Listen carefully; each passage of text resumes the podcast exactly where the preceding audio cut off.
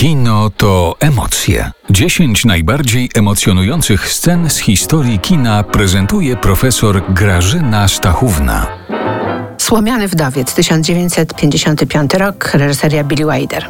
Ja obejrzałam ten film na nowo, na świeżutko, żeby tu Państwu coś powiedzieć o nim. I po pierwsze tak, wydał mi się nieprawdopodobnie staroświeckim, zarówno w sposobie prezentowania fabuły, opowiadanej historii, ale także w sposobie prezentowania głównej bohaterki kobiecej, którą zagrała Marilyn Monroe, a która, wyobraźcie sobie Państwo, jest anonimowa. Ona po prostu nazywa się dziewczyna i tyle. I jest pokazywana w tym filmie na sposób absolutnie olśniewający, ponieważ jest niezwykle piękna, ale na sposób, który irytuje w dzisiejszym odbiorze, nie wiem, czy mężczyzn, bo oni prawdopodobnie ulegają tej niezwykłej piękności Marilyn Monroe, niesłychanej zmysłowości, seksapilowi i tak dalej, ale niesłychanie irytuje każdą kobietę, ponieważ ona jest tam no po prostu głupiątkiem.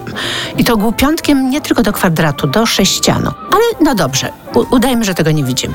I w tym filmie jest taka legendarna scena, w której Marilyn Monroe stoi na wywietrzniku z metra i przejeżdżający pociąg e, porusza to powietrze i wydobywając się do góry, podnosi jej sukienkę. Ona ma na sobie taką prześliczną sukienkę w kolorze ecri, czyli kości słoniowej, z e, plisowaną spódnicą bardzo leciutką i ten powiew e, ciepłego powietrza z metra podnosi ją do góry. Ponieważ nie widziałam tego filmu wiele lat, w związku z czym zostało mi w pamięci, jak mi się wydawało w pamięci, muszę tu jeszcze dodać, że wyjątkowo szybko i łatwo zakłamuje się naszą pamięć filmową, zostało mi w pamięci takie zdjęcia, kiedy, takie nieruchome właśnie zdjęcia, kiedy Merlin stoi, ten powiew ciepłego powietrza podnosi jej sukienkę, ale ją tak e, próbuje zatrzymać nogami, no na granicy absolutnego ryzyka, powiedziałabym, obyczajowego.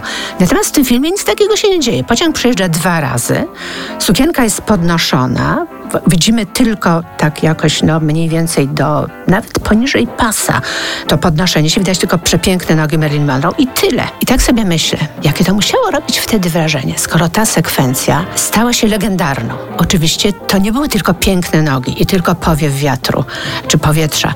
To był przede wszystkim no, zarysowanie aktu erotycznego, prawda? Symboliczne pokazanie aktu erotycznego. Nie ma żadnej reakcji na twarzy Marilyn Monroe. To my znamy tylko ze zdjęć. Dlaczego ze zdjęć? Dlatego, że kiedy y, Bill Wilder kręcił te sekwencje dokładnie 15 września 1954 roku w Nowym Jorku, rzeczywiście na wywieczniku z metra, tam pod spodem siedział jakiś pracownik i dmuchał jakąś dmuchawą, żeby jej tę sukienkę podnosiło, bo przecież nie ryzykowano innych rozwiązań. A dookoła stało podobno 300 mężczyzn, którzy ryczeli, dyszeli, rządzą, patrząc na to, co się tutaj dookoła wyobraża, fotografowie strzelali zdjęcia, których potem używano do reklamy. I my te zdjęcia znamy.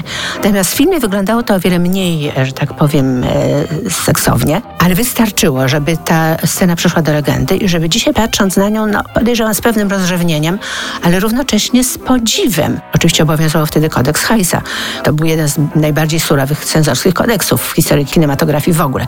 Jego działanie tak naprawdę skończyło się mniej więcej w połowie lat 60.